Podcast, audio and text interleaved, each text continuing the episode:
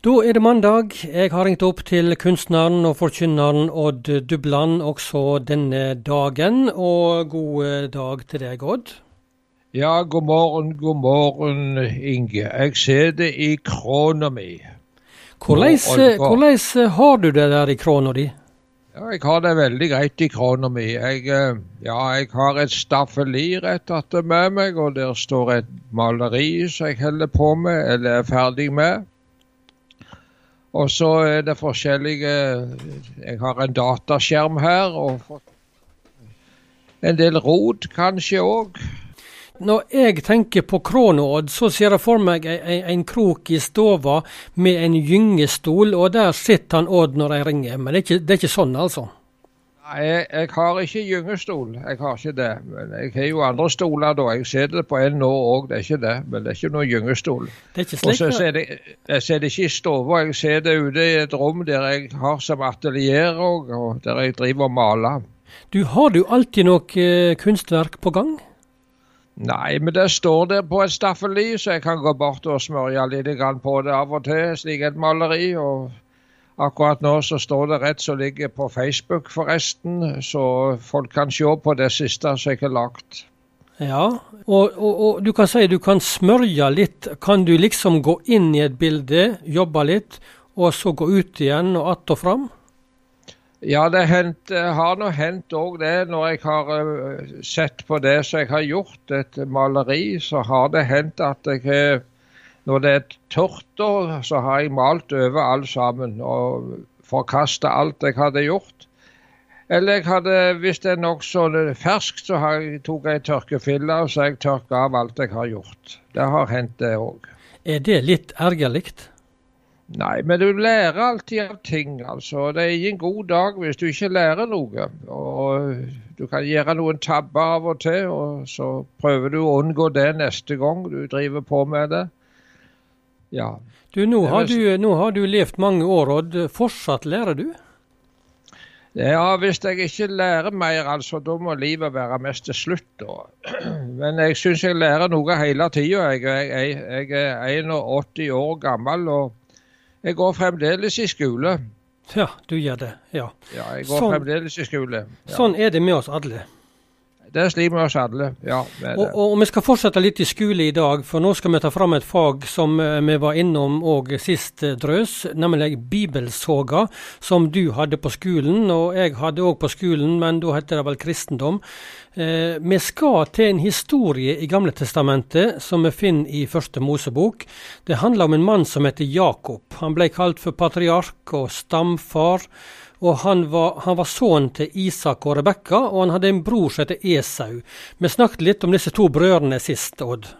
Ja, vi gjorde det. Og du ser det at uh, Esau han uh, solgte førstefødselsretten sin. Han var eldst, de var jo tvillinger, men han var født først. Og så solgte han førstefødselsretten sin for en linsevelling, altså en graud. En tallerken med graud.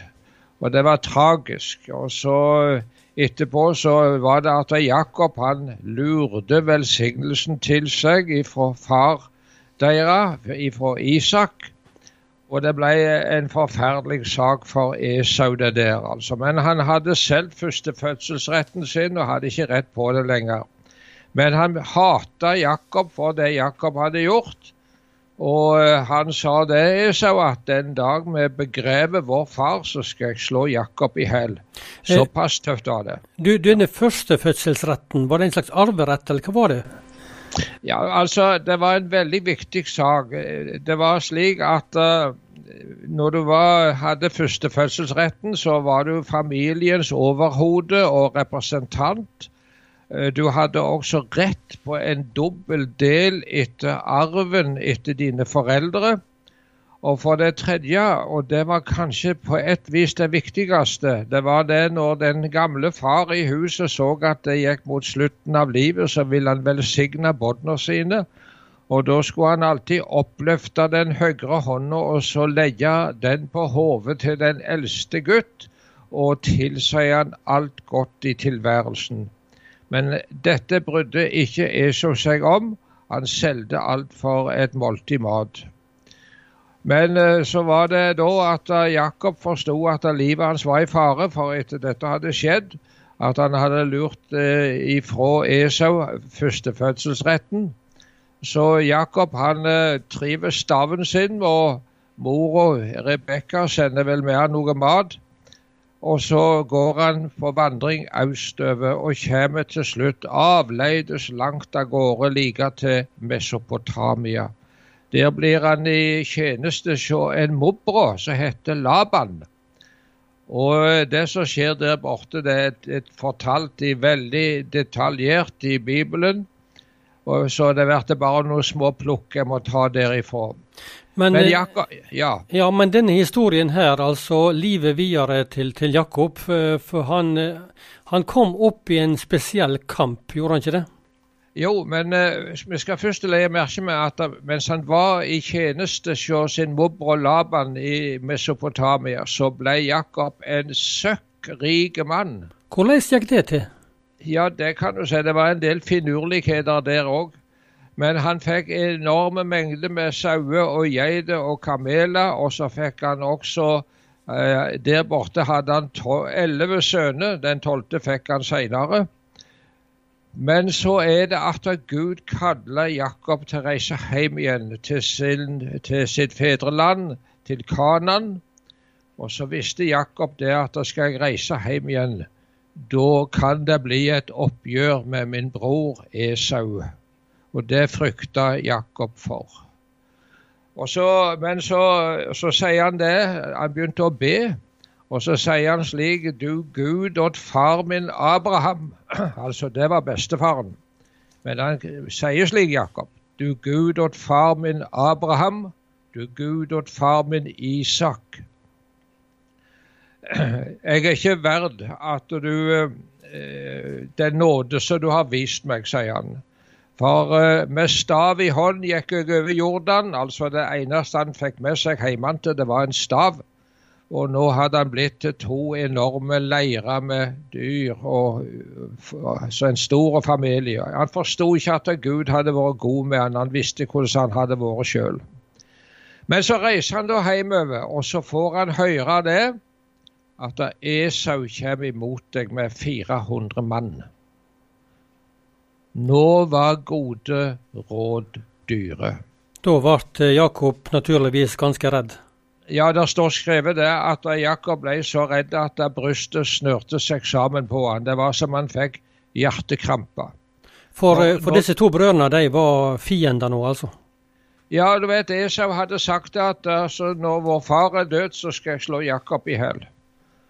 Og her var det ikke snakk om bare Jakob, men det kunne bli en massakre på, alle, på hele familien til Jakob, alle båndene. Og så, når, så, kommer de til slutt fram eh, på denne reisa si vestover. Til, de kommer til elv. Og Jakob han fører hele eiendommen sin, alle dyra, og så fører han eh, familien sin over elva. Men sjøl blir han tilbake om kvelden og natta på elvebakken. Og det er her det skjer noe som jeg hadde lyst spesielt i dag å ta med. Ja, hva skjedde der? Ja, Jakob han var alene. Og det kan være viktig av og til å være litt alene for oss òg. Og tenke litt over livet. Og gjøre opp en status. Og da er det noe merkelig som skjer der på, på Elvebakken. Der kommer nemlig en mann. Så Jakob begynte også å kjempe med. Og det, den, den, kampen varte flere timer, ser det ut til. Like til det lysna av dag. Og denne fremmedkaren han eh, så at han kunne ikke vinne over Jakob.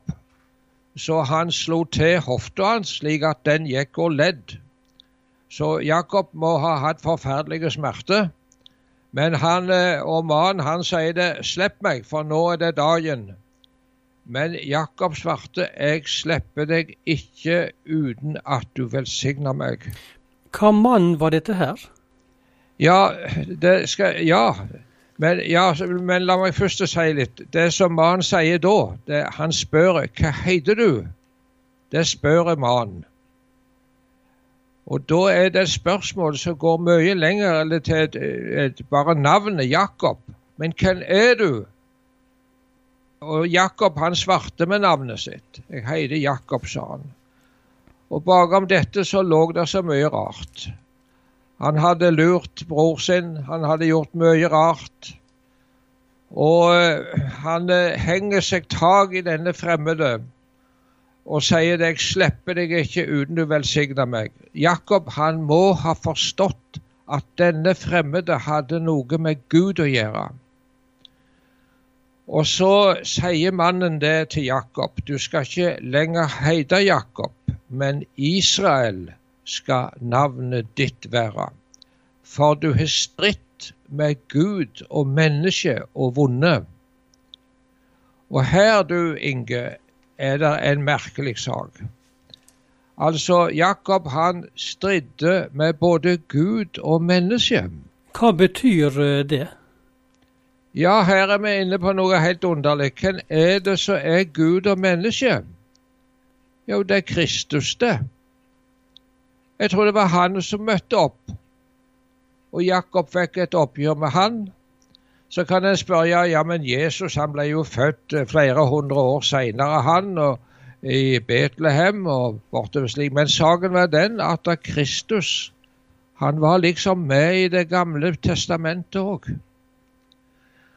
Og så fikk han velsignelsen av denne fremmede Jakob.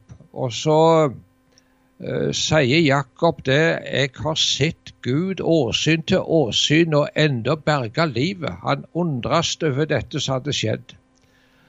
Og så reiser han av gårde da alene og tar igjen familien. Og der møter han Esau, og nå var gode råd dyre. Ja, og hva, hva, hva, skjer i det møtet med Esau da? Ja, du vet at Esau han var antagelig ute etter hevn, og her kunne det bli en fæl massakre. Og det som skjer, det er at når de ser hverandre, så springer de imot hverandre.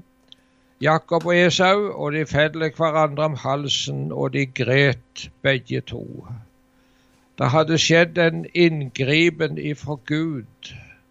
Det var Gud som hadde kommet med en oppreisning, og det ble noe godt til slutt av dem. Men eh, la meg eh, ta litt tilbake igjen, du Inge. Du vet, Jakob han ble alene der om kvelden på Elvebakken. Ja, stemmer. stemmer.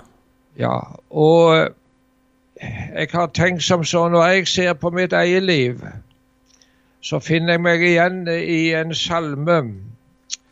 Jeg står for Gud som allting vet, og slår mitt øye skamfullt ned. Jeg ser min synd at den er stor, i tanker, gjerninger og ord. Det meg gjennom hjertet skjær, og Gud meg synder nådig vær. Og jeg vet òg det at det eneste som kan berge meg, det er Guds tilgivelse som en får gjennom Kristus Jesus, som døde for oss på korset. Og det kan være godt av og til at vi blir litt alene og tenker over vårt liv. Da vil du se det at du får bruk for en nåde ifra Gud. Ja, ja, det var de tankene jeg hadde du i dag, du Inge. Hjertelig takk skal du ha, Odd Dubland, for denne timen med bibelsoga ifra Gamle testamentet. Fra første Mosebok, kapittel 32, der kan du lese om Jakob sin kamp.